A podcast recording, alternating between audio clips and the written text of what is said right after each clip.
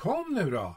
Jag var i tankar och ville inte bli störd eftersom jag var upptagen med att försöka rädda en groda som simmade runt i mitten av den ganska leriga pölen. Jag hade en trädgren som jag hade hittat. Kom nu Marcel! Vad är det, undrar jag. De börjar ju nu. Va? Vad då, vad är det som börjar?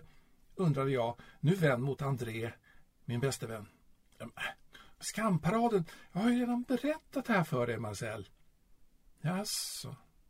Jag var inte sen att avbryta. Grodan verkade inte heller så intresserad av att bli räddad. Jag slängde ifrån mig grenen och slog följe med André.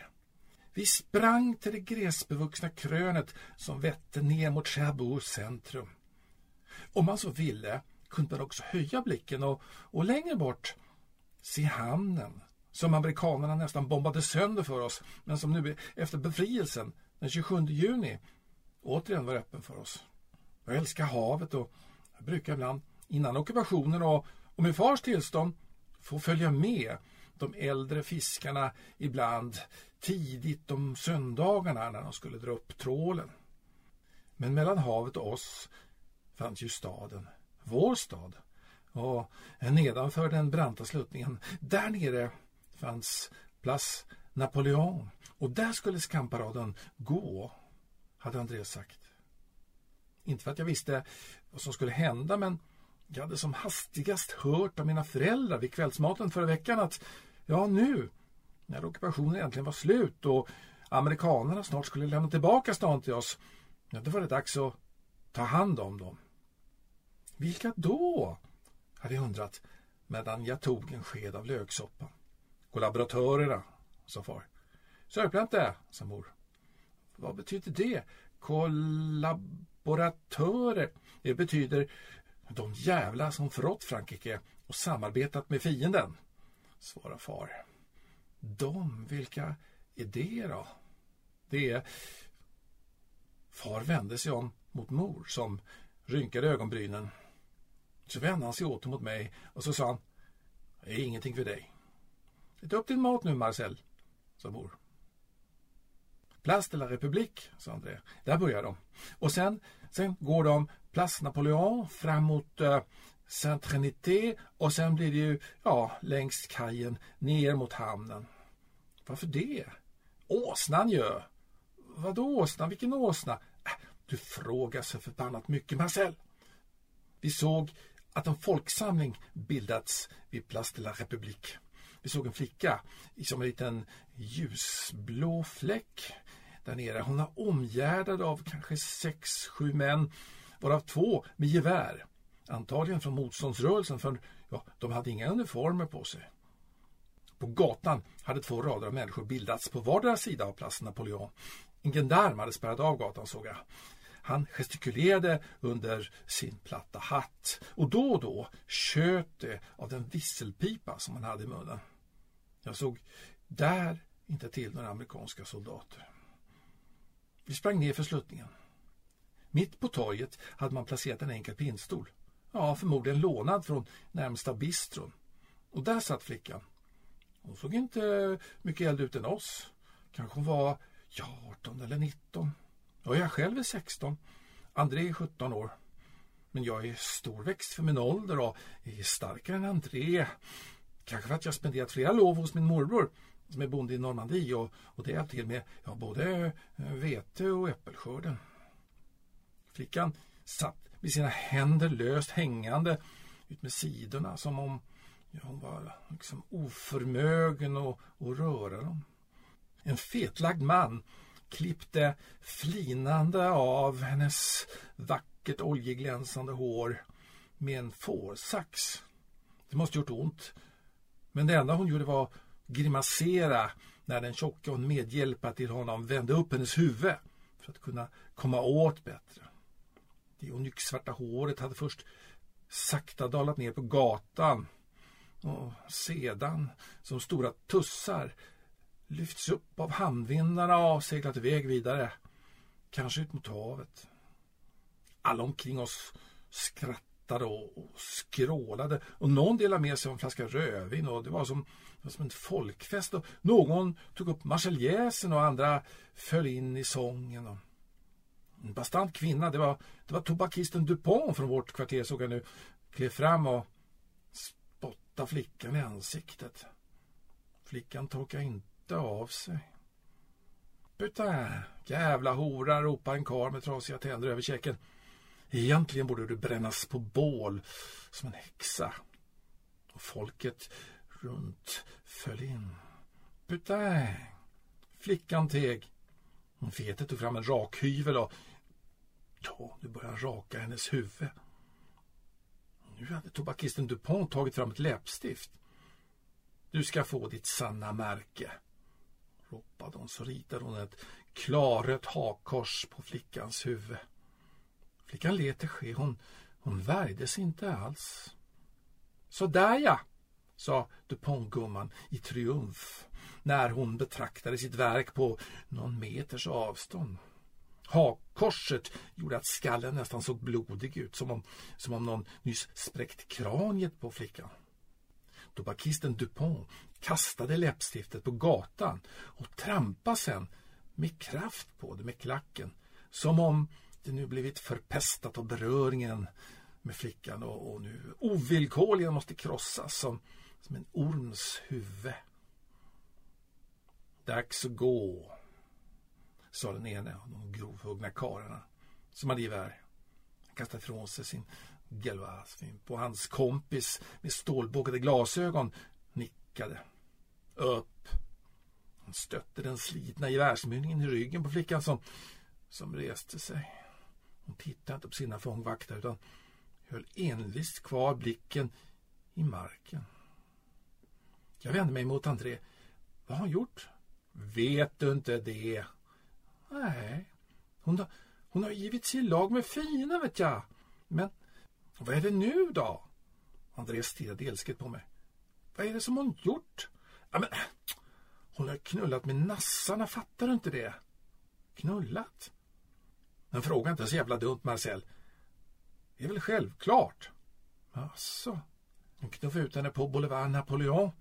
På båda sidor hade människor, som två stora murar av kött, placerat sig för att få en så bra vy som möjligt av denna skammens parad. På ett platt tak tillhörande en bistro satt, såg jag nu, ett dussintal amerikanska soldater med tygmössor med gevären vilande i famnen.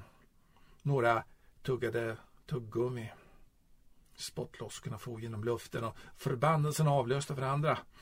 En servitris lämnade hastbistron i hörnet och gick fram till flickan, grep tag i hennes arm och gav henne en örfil.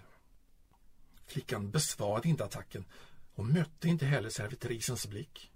Putain! Putain! skrålade folk. Jag såg att det stämde som André sagt. Man var på väg mot hamnen förbi kyrkan Saint-Trinité.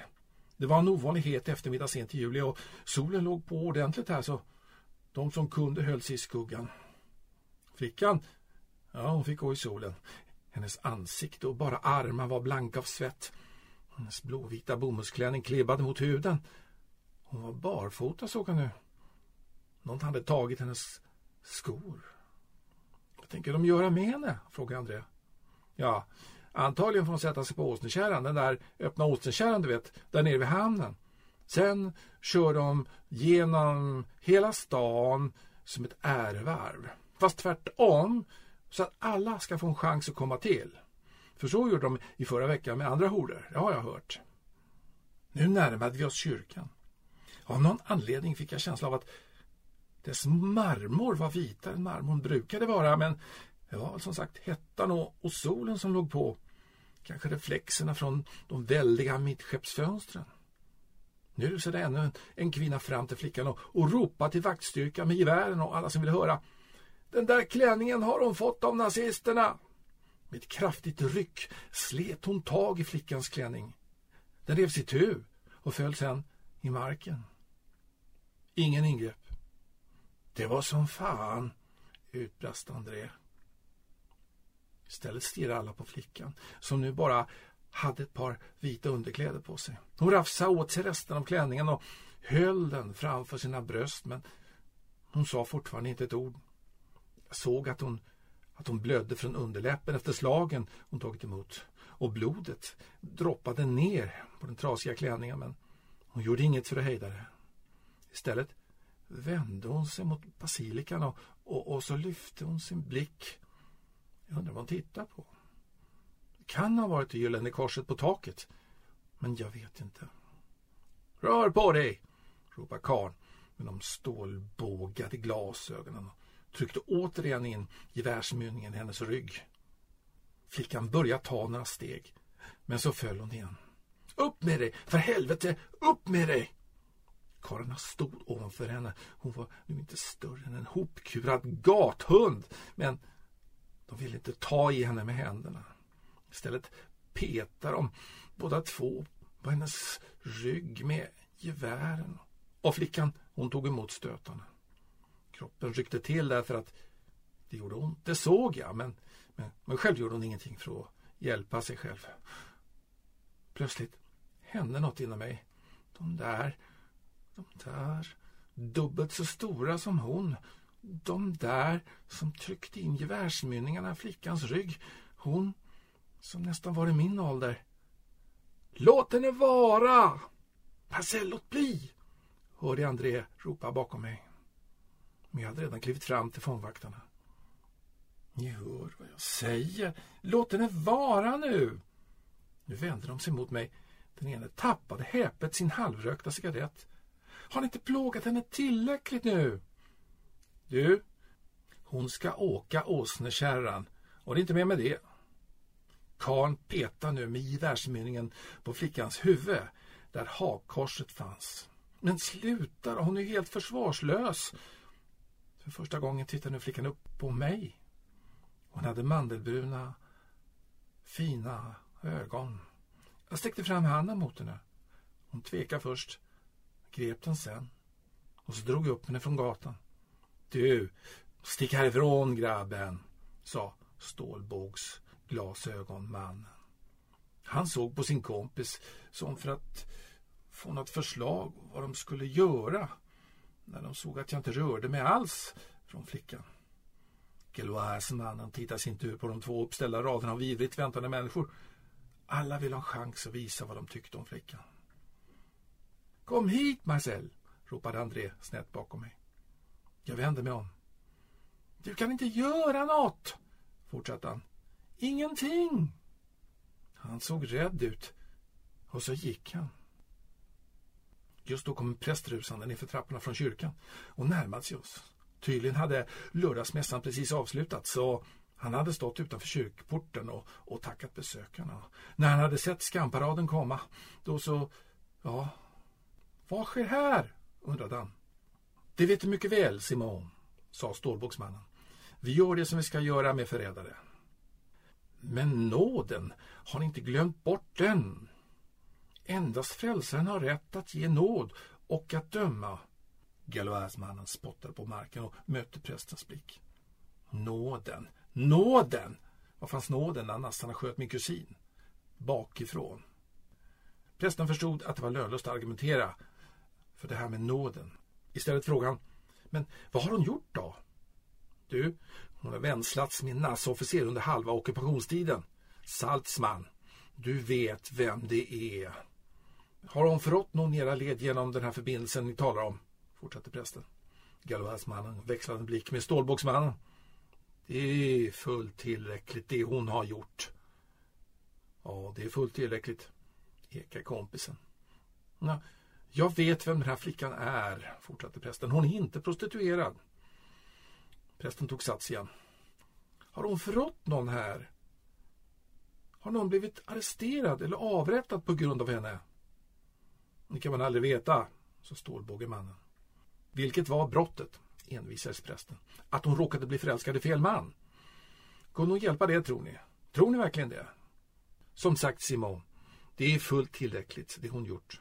Lägg dig inte i det här. Gå tillbaka till dina får så tar vi hand om getterna. Hon är ett jävla luder och hon ska dras i åsnakärran genom hela stan.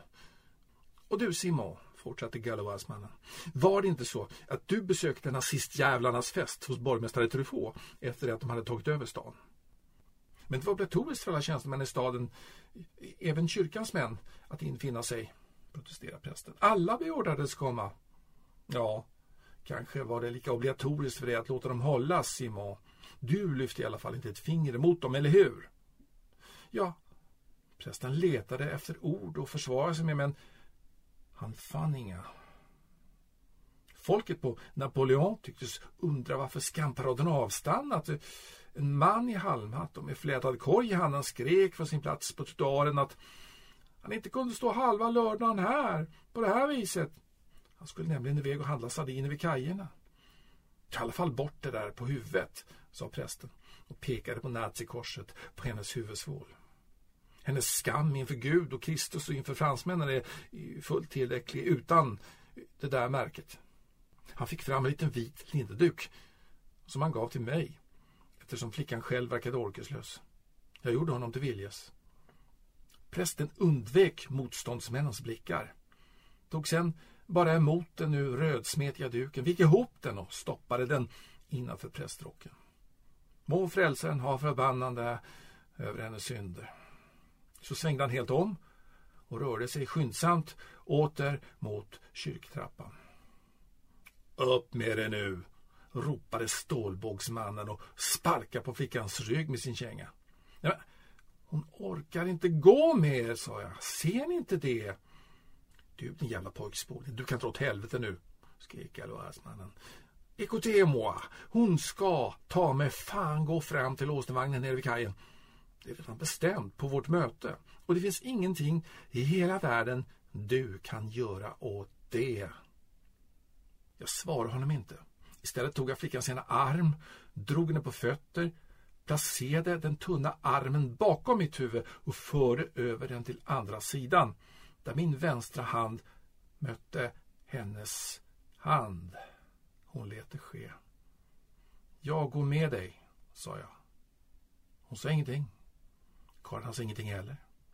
Jag tror att de tänkte att av två dåliga val var det förmodligen bättre att jag fick ner henne till åsnekärran än att hon blev sittande.